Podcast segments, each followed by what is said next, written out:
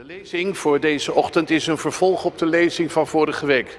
We lezen dus nu verder in Colossensen, hoofdstuk 3, vers 1 tot 17. Paulus. Als u nu met Christus uit de dood bent opgewekt, streef dan naar wat boven is, waar Christus zit aan de rechterhand van God. Richt u op wat boven is, niet op wat op aarde is. U bent immers gestorven en uw leven ligt met Christus verborgen in God. En wanneer Christus uw leven verschijnt, zult u ook samen met Hem in luister verschijnen.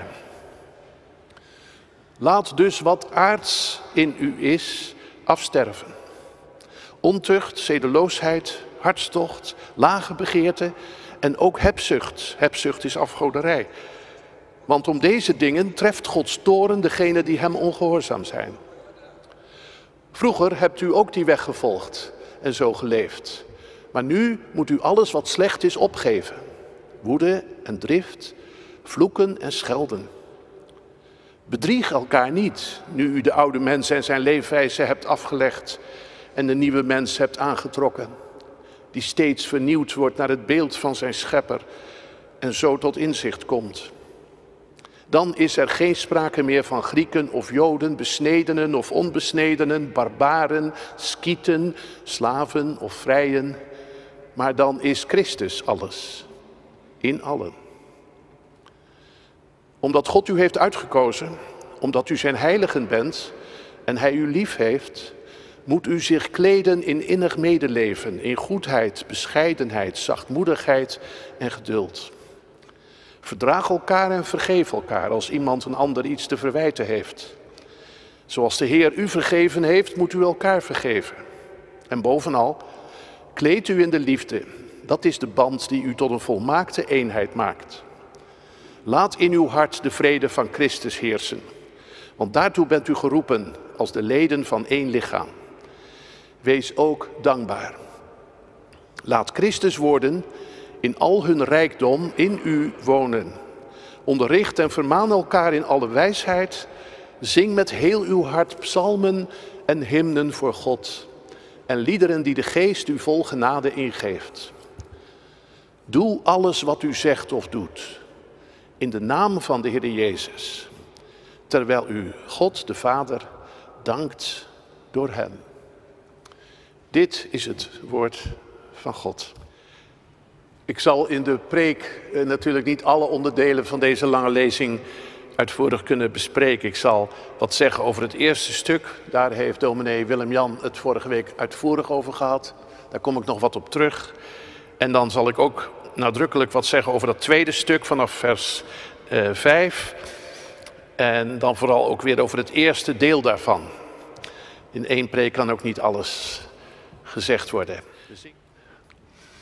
Ik zeg het eigenlijk uh, bijna nooit, maar in dit geval zou ik zeggen, als je je Bijbel erbij houdt, als je die onder handbereik hebt, is dat wel, helpt dat. Gemeente van Christus. Dit Bijbelgedeelte valt uiteen in twee delen. Het eerste, vers 1 tot en met 4, dat gaat over het geheim van ons leven met Christus. En het tweede gaat erover hoe je je als christenen gedraagt in de praktijk. Die eerste versen die hebben een diepe, mystieke inhoud. Hoor maar, u bent gestorven en uw leven is met Christus verborgen in God. Wat een taal is dat. Maar in dat tweede stuk tuimelen we uit die hemel naar beneden.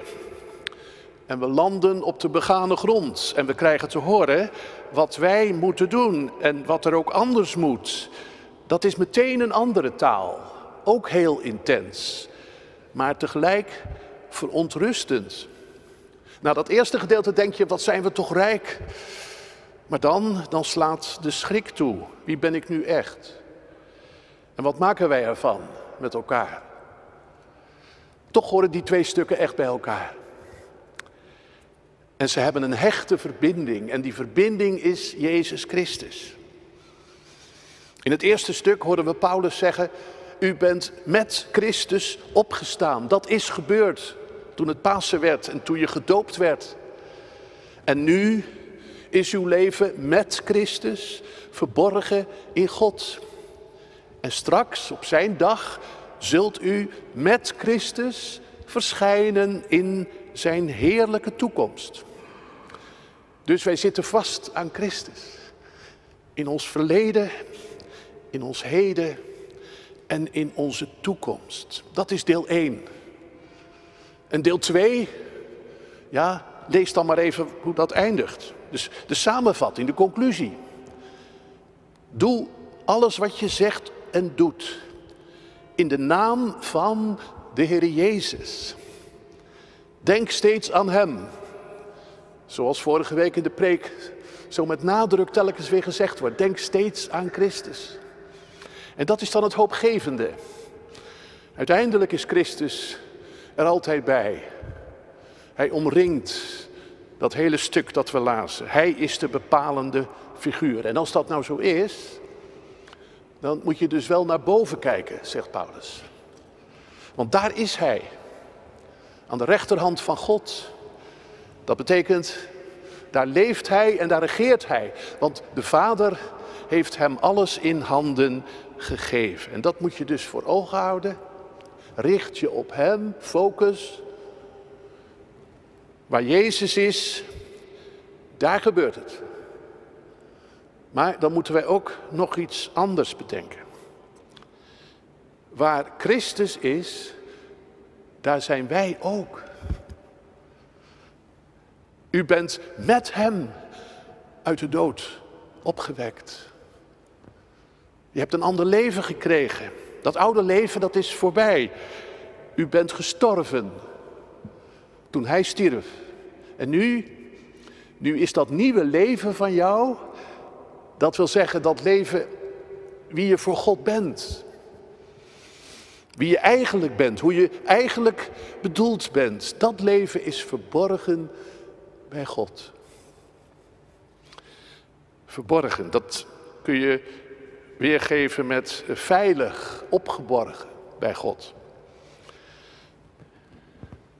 Kijk dus naar boven en leer dan weer te geloven dat mijn leven dankzij Hem veilig is. Daar komt niemand bij. Daar ligt mijn toekomst ook vast.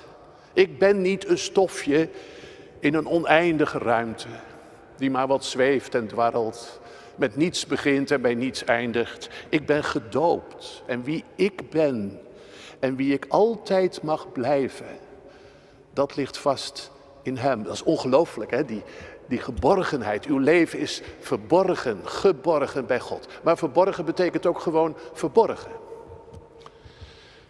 Dat wil zeggen, het is verborgen in deze wereld. Een wereld die het gewoon ontkent en straal negeert. Maar laten we eerlijk zijn, ook voor jezelf blijft het zo'n verborgen zaak vaak, een geheimenis.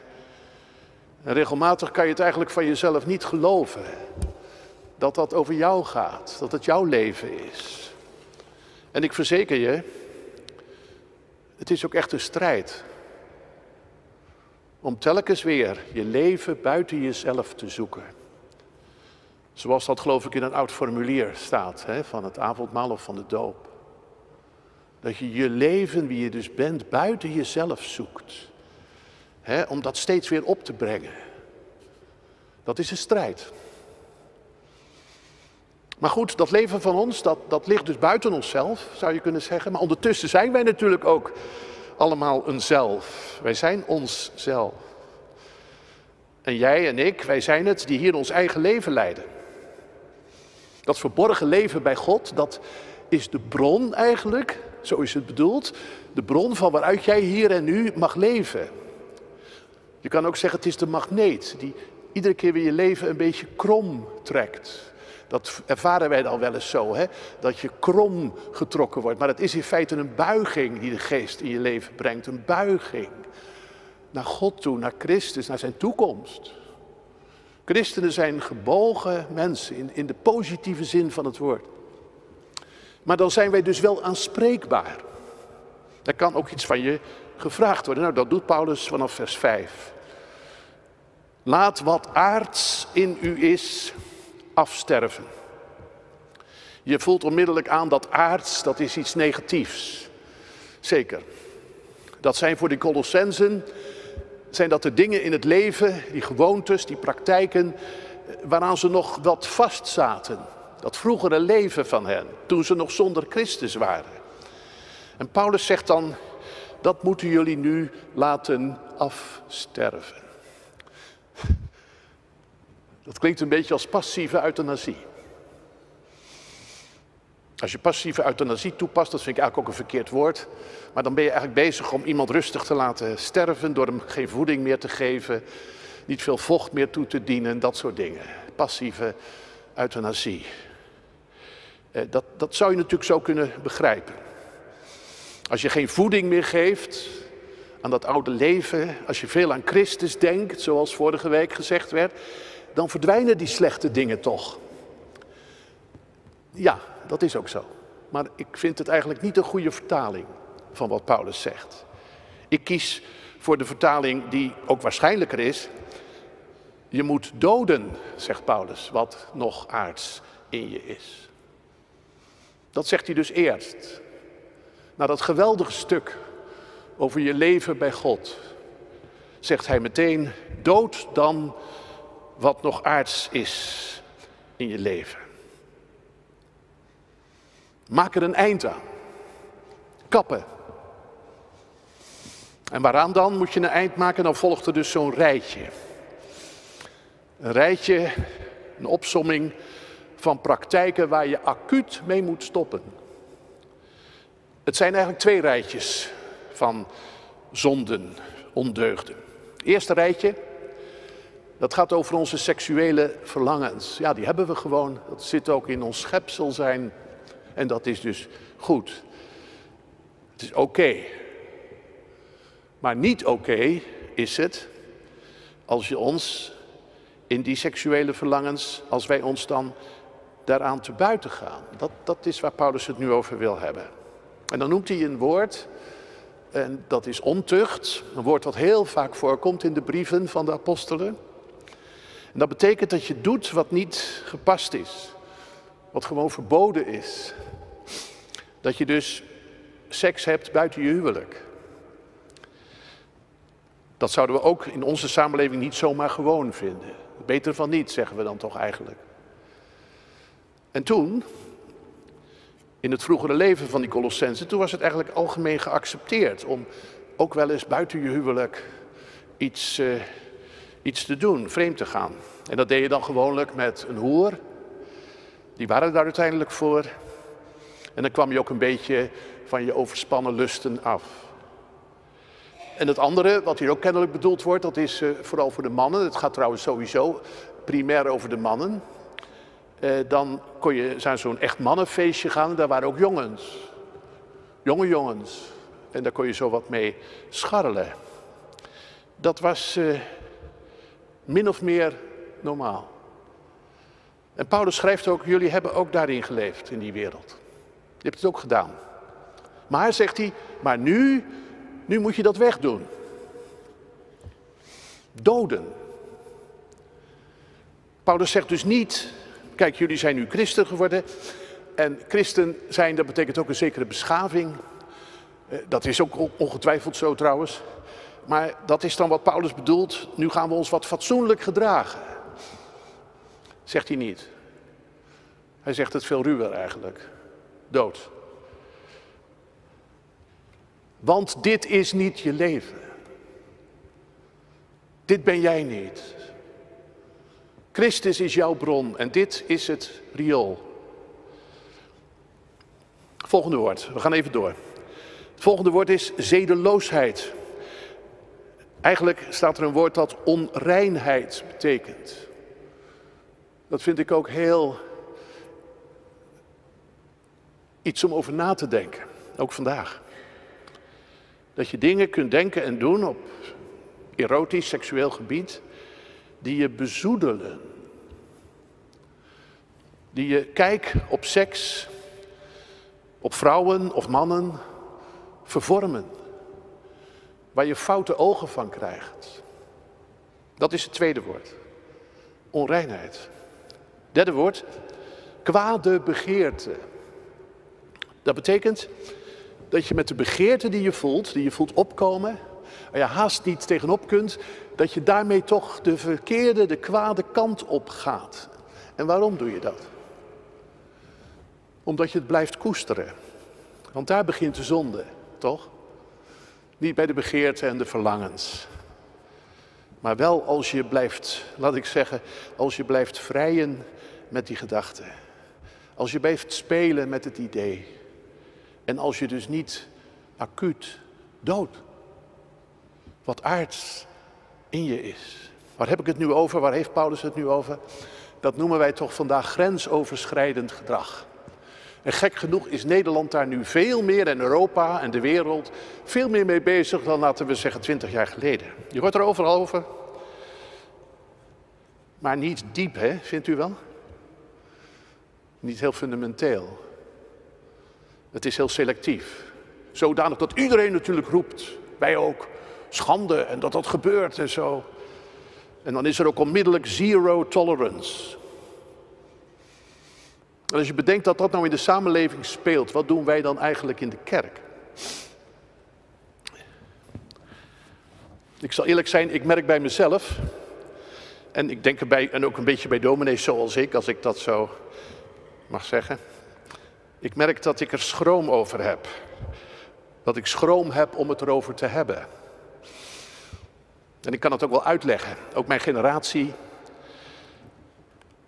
mensen die in de vijftiger jaren zeg maar geboren zijn, wij hebben toch een afkeer gekregen van moraliseren. En dan denken we ook aan rijtjes, niet waar?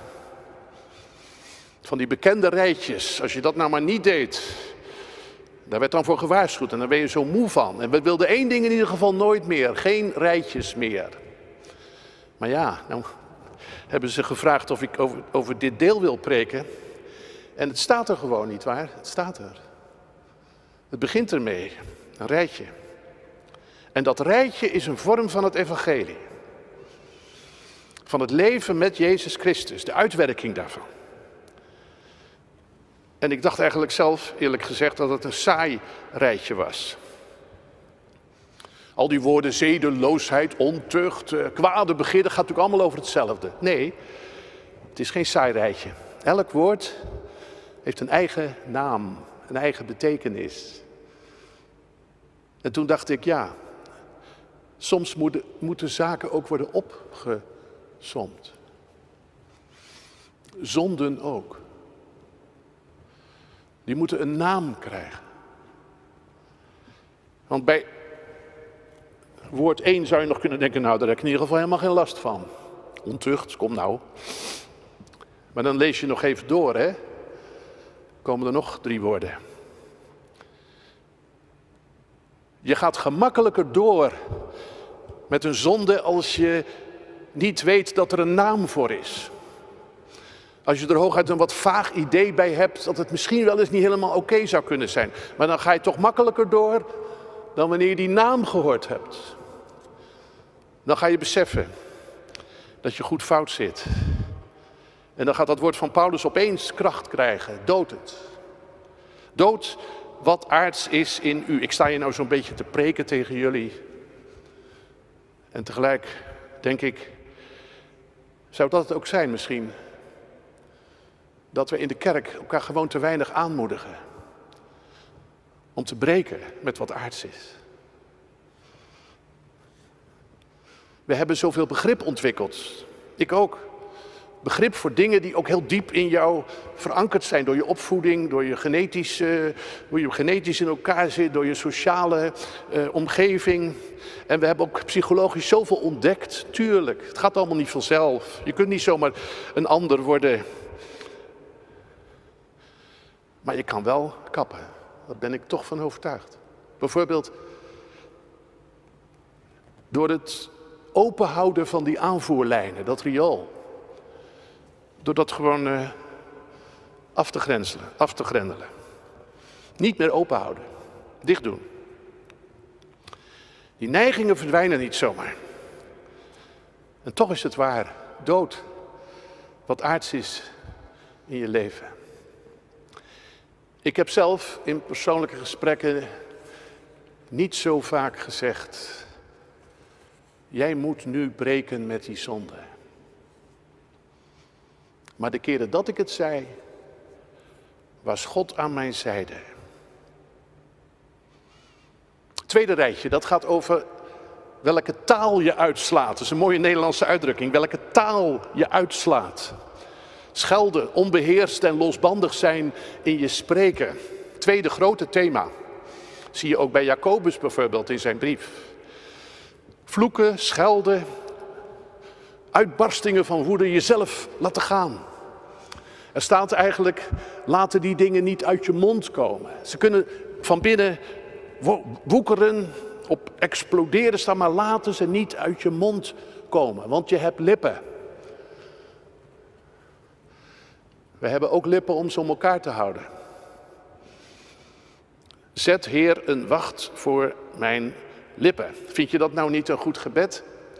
In coronatijd bijvoorbeeld, wanneer er soms geen andere uitweg lijkt te zijn dan maar een potje te gaan schreeuwen. Maar toch, hè, als je nou eenmaal begint te vloeken en schelden, dan ga je het, als je het nog eens doet en nog eens doet, dan ga je het toch makkelijker doen. Dat is ook zo'n vervuiling eigenlijk. Zo'n verontreiniging, niet alleen van jezelf, hè, maar ook van de sfeer waarin je bent. Wat zeggen wij in Nederland? Ga je mond spoelen, precies.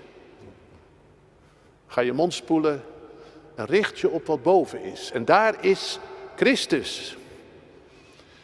Die schold niet terug toen ze hem uitscholden. En als je hem ziet, dan zeg je tegen jezelf: nee. Nee, dat ben ik niet. Die vloeker en die schelder. Ik ben gestorven. Dat ben ik. Ik vind nog iets opvallends. Ik ga heel veel overslaan hoor. Maar in vers 9, daar staat.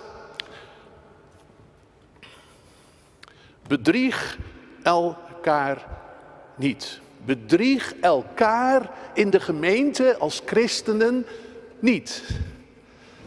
Je kunt het nog harder vertalen.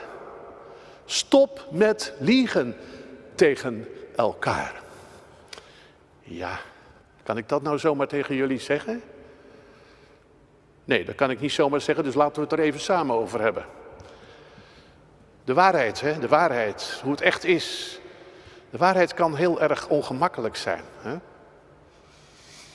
De waarheid over jezelf. Of de waarheid over een ander die tegenover je zit. En de waarheid komt ook niet altijd goed uit. We willen gewoon toch graag ook eh, rust houden. De waarheid kan pijnlijk zijn. Maar wat doen we dan in de kerk? We willen toch liever niet kwetsen. We willen geen heisa. Toen dacht ik, misschien doen we het dan wel zo dat wij in de christelijke gemeente elkaar een beetje voor de gek houden. Door ons zondagse gezicht op te zetten, daar hou ik ook erg van. En onze nette manieren te gebruiken. Maar dan moet je je toch afvragen of je ook echt bereid bent om je open te stellen voor de ander. Voor zijn nood, voor zijn zonde, voor die vreugde van de ander. Of we dat met elkaar ook doen. Je kunt jezelf toch ook in de christelijke gemeente prima schuilhouden. Wat de waarheid is over je leven. En overal over meepraten. En ondertussen gewoon onveranderd doorleven. Er hoeft nooit iets dood. Een oud gemeentelid vertelde me eens dat hij in Indië een keer iemand had doodgeschoten. En wat zei hij? Wat heb ik ervan onthouden? Dat hij zei, het was hij of ik. En dat besef. Waarom zou je doden? Omdat het anders ik is. Ik ga eraan. Laten we elkaar niet bedriegen. Paulus zegt dat is toch allemaal old school.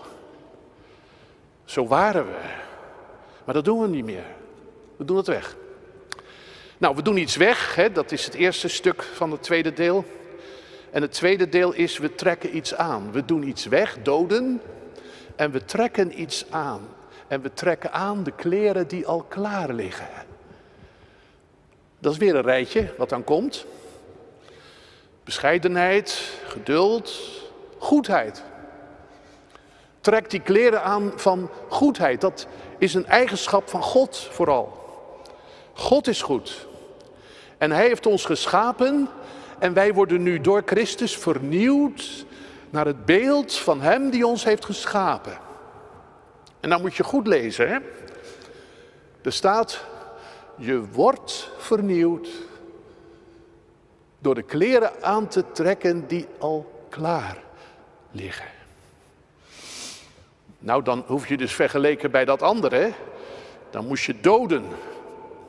Hier hoef je eigenlijk als niks te doen, vind je wel? Je hoeft alleen maar iets aan te trekken. En dan word je vernieuwd. Dat gebeurt van de andere kant. Hoeven wij dan helemaal niets te doen om een nieuw mens te worden? Ja, we moeten iets doen, hè? We moeten iets aantrekken. Je moet je iets aantrekken van de woorden die je hoort. En je moet je iets aantrekken van de woorden die je zingt. Met psalmen en lofzangen en geestelijke liederen. Paulus vat het samen. En hij zegt, alles wat je zegt en doet, doe dat in de naam van Christus. Denk steeds aan Christus. Hou Hem voor ogen. En leef en maak je keuzes in Zijn naam. Dat is zoiets moois. In Zijn naam, dat betekent op Zijn gezag en in Zijn kracht. En laat ik nou nog één ding proberen concreet te maken aan het eind van de preek. Er staat ook hebzucht, hè? dat is je opgevallen waarschijnlijk bij al die uh, seksuele ondeugden, zonden. Daar staat opeens het woord hebzucht. Hebberigheid, dat is afgoderij, zegt Paulus. Dan plaats je iets anders in het centrum van je leven en dat ga je vereren. Hebzucht, dat is dat je altijd meer wil. Hebzucht, dat is ook wel een soort erotiserende kracht in ons leven, denk ik. En dat is echt niet bij één of twee, maar dat is ook collectief. Ook al heb je niet zoveel, maar die hebzucht zit zo diep in onze welvaartsmaatschappij. Nou, hoe kan je nou hebzucht doden, heb ik gedacht. Misschien zo. Door God te danken. Maar wel op een bepaalde manier God te danken. Concreet. Maak er een rijtje van. Ik weet dat er mensen zijn, niet zoveel denk ik in deze gemeente, maar er zijn mensen die doen dat al lang. Die bidden voortdurend met rijtjes. En ik heb vaak gedacht, wat is dat eigenlijk vreemd en zo. En wil ik dat ook wel? Maar nu zeg ik, moet je een keer doen. Maak er een rijtje van. Som het op. Som het op wat je allemaal aan God te danken hebt. Begin bij het meest lijfelijke en concrete. En klim op in je dankzeggingen. En als je genoeg opgeklommen bent, dan ben je weer bij God in de hemel. En bij Jezus aan zijn rechterhand. Hij die alles is in allen. Nou goed, dan zeg je dus amen. En dan komt het. Als je amen gezegd hebt, dan pak je een pen en een papier. En je gaat er rustig voor zitten. En je gaat je hersens gebruiken. En je gaat nuchter en zakelijk overwegen. Wat ga je overwegen? Om of er naast alles wat je nu al weggeeft, nog ruimte is om er structureel een schep bovenop te doen. Of, misschien nog anders en beter, om je schep ook nog eens in andere grond te steken. Dat je na die dankzegging gaat geven omdat het niet anders kan, omdat het vreugde is, omdat het vernieuwing is, omdat het al een stukje verheerlijking is. Geven als daad van vreugde, dat is nou echt de vrolijke doodsteek voor je hebberigheid. Richt u op wat boven is. Boven is ook de toekomst. Dat is de dag dat Christus verschijnt in glorie en heerlijkheid. En wij met Hem, zegt Paulus.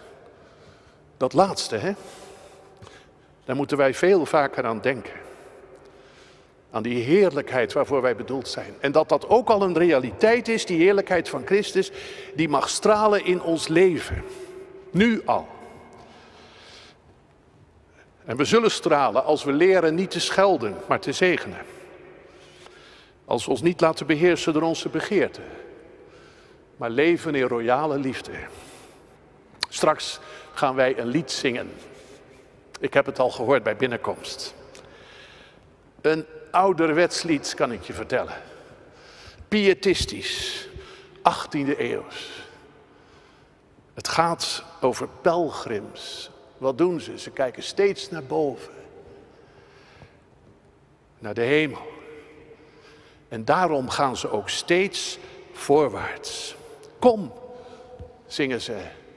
Vatten wij dan moed om naar de eeuwigheid te streven. Van kracht tot kracht te leven. In het eind is alles goed. Amen.